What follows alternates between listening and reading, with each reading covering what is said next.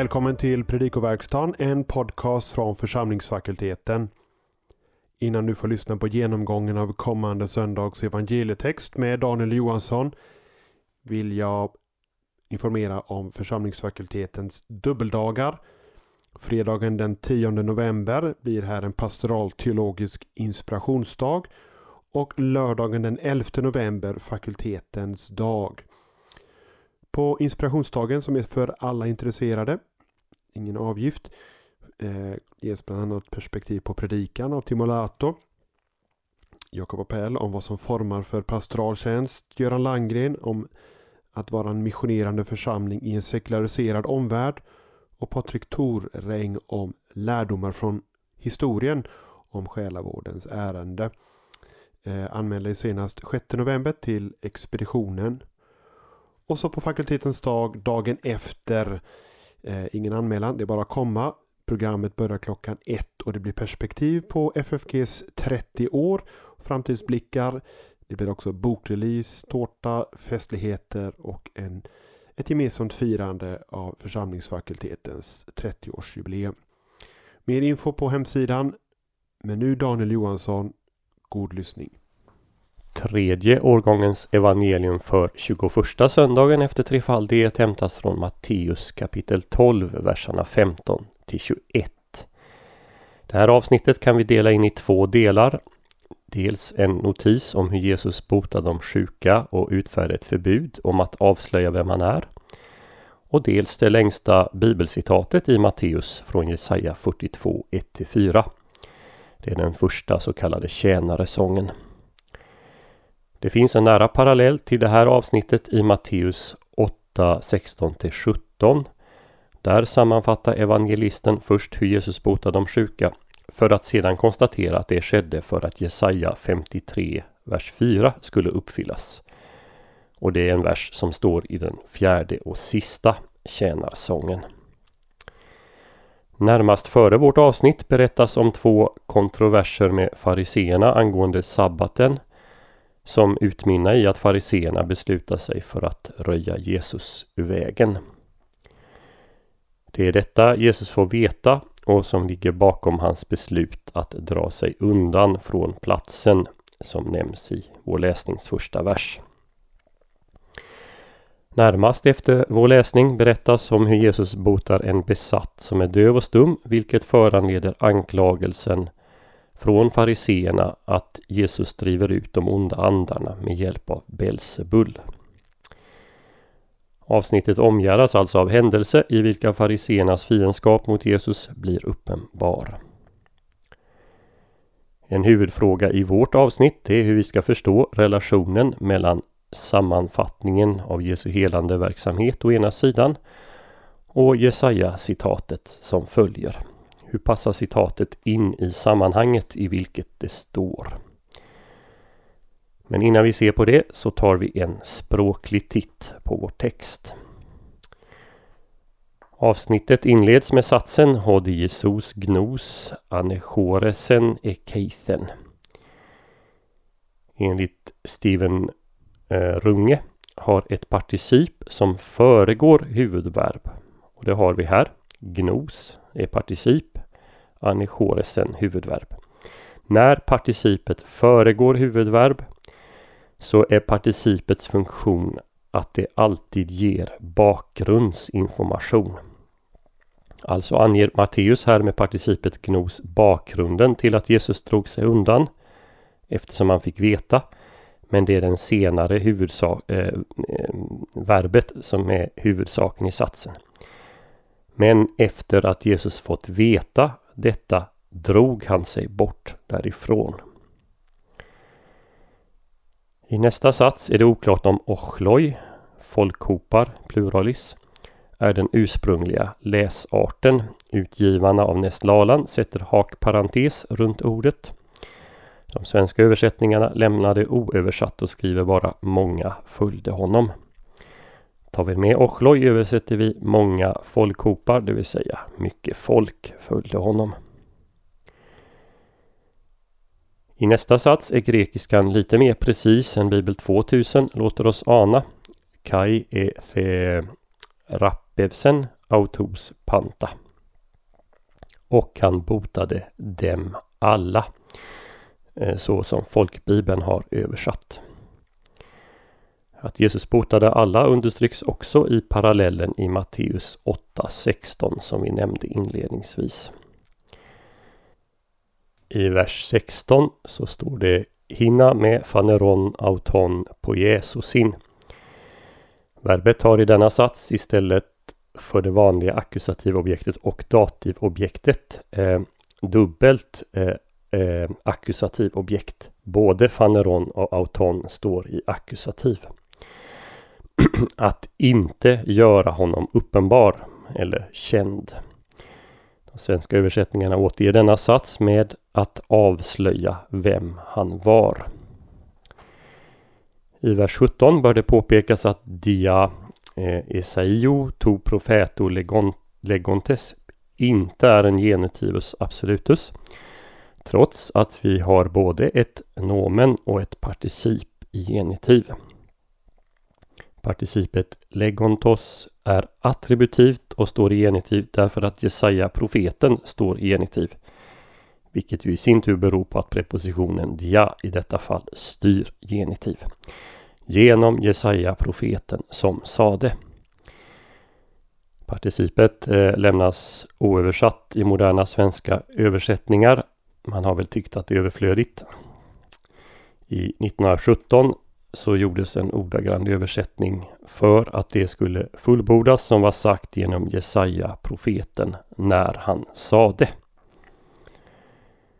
Återstoden av texten, verserna 18 till 21, citerar Jesaja 42, 1-4 som redan nämnts. Texten avviker på flera ställen från översättningen i Septuaginta och är troligen evangelistens egen översättning av den hebreiska texten. Ett skäl härtill kan vara att Septuaginta i Jesaja 42.1 uttryckligen identifierar Herrens tjänare med Israel genom att lägga till orden Jakob och Israel. Jakob Hopaismo, Israel Ho Eklektosmo. Jakob min tjänare, Israel min utvalde.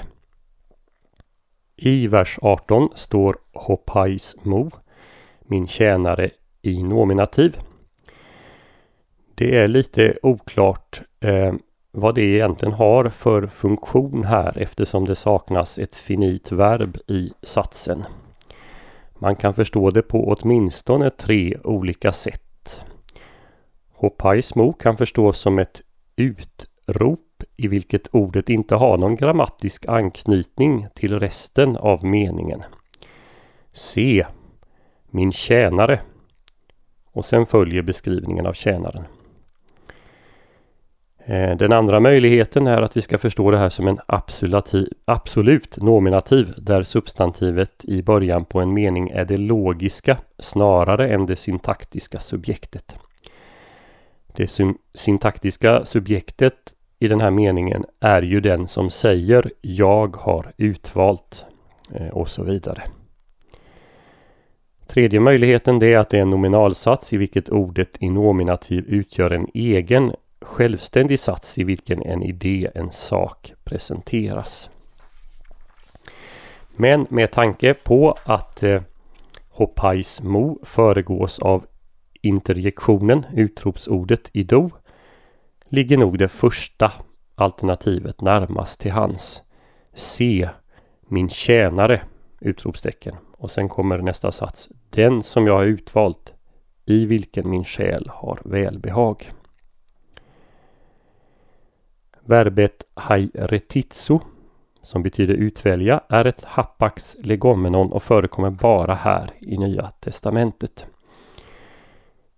I den avslutande satsen i vers 18 möter vi substantivet krissis. Det kan ha både den negativa betydelsen dom och den positiva rätt eller rättvisa eller till och med rättfärdighet. Här i vers 18 och i vers 20 liksom i Matteus 23.23 23, så måste det handla om den positiva betydelsen. Sammanhanget talar för den negativa betydelsen på övriga ställen i Matteus evangeliet, till exempel i 5, 21 och 22 10, 15, 11, 22 med flera ställen. Jag har noterat de här i pdfen till podden som finns på FFGs hemsida. Det är ganska rikt med happax eh, i Matteus här. Även i vers 19 stöter vi på ett sådant ord. eritso. Det är ett hapax, förekommer alltså bara här i Nya Testamentet. Det verbet avser att uttrycka en annan ståndpunkt med ett inslag av antagonism eller fientlighet. Därav tvista eller träta. Även vers 20 innehåller några ovanliga ord. Syntribo, smula i stycken. Krossa. Eh, förekommer några gånger i Nya Testamentet men bara på det här stället i Matteus. Katagymni, bryta i stycken, är också ett matteiskt hapax.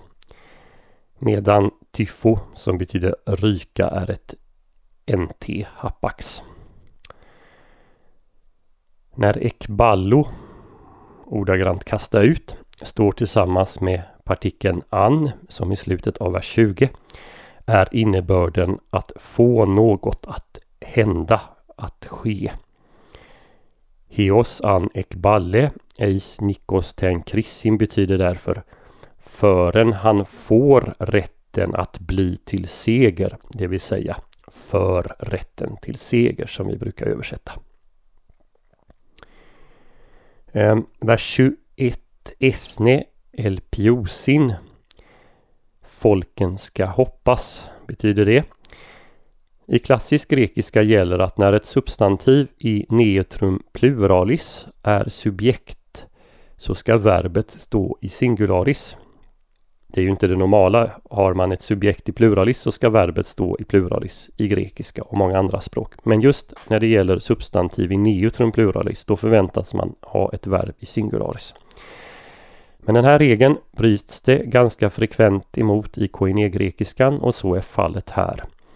Ethne, folk, folkslag, står här i pluralis. Det är ett ord i neutrum. Och det följs av ett verb i tredje person pluralis. Elpiosin, de ska hoppas. Hos Matteus är det i regel så här att han låter personliga subjekt i neutrum pluralis ta eh, verb i pluralis. Till exempel i 6.32, 10.21 med flera ställen. Medan opersonliga subjekt i neutrum pluralis tar verb i singularis. Som i 5, 18, 6, 33, 10, 2. Men det finns undantag ifrån den här regeln. Till exempel i 6, 28 och 27, 52. Den som vill kolla de här ställena kan eh, titta på, eh, på pdfen till den här podden där jag räknar upp dem. Till läsningens sista vers Eh, kan vi också notera att Matteus hoppar över de två första satserna i den hebreiska texten i Jesaja 42.4. Det beror, beror troligtvis på att dessa eh, satser anspelar på de två första satserna i Jesaja 42.3 vilka Matteus redan inkluderat i sin översättning eh, i vers 20 Noterbart är också att Matteus i avslutningen följer Septuaginta. Eh, den eh, hebreiska texten har Ol eh, Torato som betyder och på hans Torah, hans undervisning. Men det här återges i Septuaginta med epito onomati auto, på hans namn. Denna översättning får väl ses som ett uttryck för det centrala i Tora, uppenbarelsen av Guds namn, natur och identitet, till exempel i Exodus 3 eller 6, 1-8. Men det kan möjligen också vara så att Septuaginta i sin översättning har bevarat en variant eh, i den hebreiska texten som har namn istället för Torah. Skriftcitatet från Jesaja 42 är som redan nämnts eh, den första av fyra sånger om Herrens tjänare i Jesaja. Jag har listat även dem i pdfen till den här podden. Det är uppenbart att Matteus förstod Jesus som den i Jesaja förutsagde Herrens tjänare. Det anspelas på den första tjänaresången redan i samband med Jesu dop i Matteus 3.17 och Jesu förklaring i 17.5. Nämligen i formuleringen Hotos estin hohios mo ho agapetos NH evdokesa. Denne är min son den älskade i vilken jag har välbehag. Här kan vi notera att Matteus översatt Jesaja-texten så att han samtidigt skapar anspelningar på dessa två ställen, alltså Jesu dop och Jesu förklaring. Där Septuaginta har eklektos, utvald, översätter Matteus med älskad. Ehm, det gäller även Matteus eh, val av formuleringen i vilken jag har välbehag. Jesus förklarar också sin död i ljuset av den fjärde tjänaresången eh, i eh, Matteus 20.28 och 26.28 när han säger att han ska ge sitt liv till lösen för många eller att han utgjuter sitt blod för många. Men det är bara här i vår läsning och i 8.17 som sångerna explicit citeras. Vår text är dessutom enda stället i vilket Jesu uttryckligen kallas för tjänare på grekiska pais. Valet av substantivet pais som också betyder barn och inte doulos, eh, slav, tjänare, det kan förklaras med att Septuaginta översätter just med pais. Pais används för övrigt som titel för Jesus bara här och i Apostlagärningarna 3.13, 3.26, 4.27 och 4.30. Det råder ju ingen tvekan om att Jesus framträder som Herrens tjänare, men det som sägs om Herrens tjänare tycks i regel underordnas titeln Människosonen, i varje fall i evangelierna. Det är Människosonen som har kommit för att tjäna och ge sitt liv till lösen för många. Eh, vilket vi läser i 2028 av Matteusevangeliet. Vilken funktion har då citatet och varför placerar Matteus den just här? Det här är ju Matteus kommentar. Han skulle ju i princip ha kunnat föra in det var som helst i evangeliet. Det är ju en träffande beskrivning av hela Jesu verksamhet. I eh, bibelkommentaren är det inte ovanligt att man tar fasta på olika delar i citatet. Någon menar att det är Jesu anspråkslöshet och stillsamhet som evangelisten framhäver. En annan att det är hans ödmjukhet. Åter en annan att det är hans roll för folkslagen. Han ska ju föra rätten till seger för folken. Men med tanke på att Matteus generellt är väldigt sparsam när han citerar skriften borde vi eh, i så fall ha förväntat ett mycket kortare citat som bara lyfter fram just de här aspekterna som omnämns. Med tanke på längden Eh, på citatet så tog det handla om hela citatet och att alla de här och kanske fler aspekter finns med. Vi måste konstatera att citatet sammanfattar hela Jesu verksamhet väl. Men varför just här? Ja, det kan nog föreligga mer än ett skäl. För det första, tjänarsångerna syftar ju djupast fram till tjänarens lidande och död som beskrivs i den fjärde sången. Fariseerna har precis innan vårt avsnitt beslutat om att Jesus måste röjas ur vägen. För det andra, när fariseerna påbörjar en ordstrid med Jesus viker han undan. Han ska inte träta och ropa som det står i Jesaja-citatet. Att hans röst inte ska höras på gatorna anspelar kanske också på inledningen till Matteus sjätte kapitel. För det tredje, rent syntaktiskt, följer citatet på talförbudet. Han förbjöd ju dem strängt att uppenbara vem han var, för, står det sen, att det skulle uppfyllas som var skrivet, sagt genom Jesaja. Jesus är visserligen den förväntade Messias, men inte en sådan Messias som de flesta förväntade, utan en Messias som är Herrens tjänare. Han verkar i det stilla Och det som ska uppfyllas ska uppfyllas i rätt tid. Det är därför han drar sig undan. Det är ännu inte tid för fariseernas plan att gå i lås. Jesus själv kontrollerar tid och rum. För det fjärde, hur för Jesus då rätten till seger? Hur ställer han till rätta? Det som nämns två gånger i Matteus-citatet och hela tre gånger eh, hos Jesaja. Det sker genom att Jesus helar människor från deras sjukdomar och driver ut, den, eh, driver ut onda andar. Det här gäller både Israel och folken. Det vill säga den eh, Jesaja-citatet passar därför väldigt väl in efter en sammanfattning av Jesu helande verksamhet. Jesus har kommit för att restaurera skapelsen. Det här sker förstås djupast när hans eget strå bryts av och hans egen låga slocknar. Men han uppstår och då upphäver han förbudet att göra honom känd och ger sina apostlar uppdraget att föra rätten till seger hos alla folk genom att göra alla folk till hans lärjungar. Som vi läser i avslutningen på evangeliet. Vi kan sammanfatta innehållet i tre punkter. Eh, den första. Vi får en beskrivning av Jesus särställning som Guds utvalde och älskade tjänare.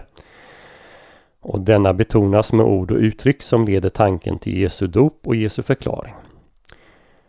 För det andra så lyfts Jesu ödmjukhet och stilla framträdande fram tillsammans med hans omsorg för de svaga. Man kan säga att det Jesus säger om sig själv i 11, 28 30 här begrundas genom ett skriftcitat. Och för det tredje så framträder Jesu roll gentemot hedningarna. Och det pekar på hans universella seger då han ska föra rätten till just seger. Och vi kan bekänna att Jesus inte bara är Herren utan också Jesus är Herrens tjänare. Du har lyssnat på ett avsnitt i Predikoverkstan från församlingsfakulteten. För att stödja FFG och för Predikoverkstans verksamhet ge en swishgåva på nummer 123 100 8457 eller på annat sätt som finns beskrivet och angivet på hemsidan www.ffg.se. På hemsidan hittar du också information om aktuell verksamhet och resurser som det är fritt att ladda ner och ta del utav.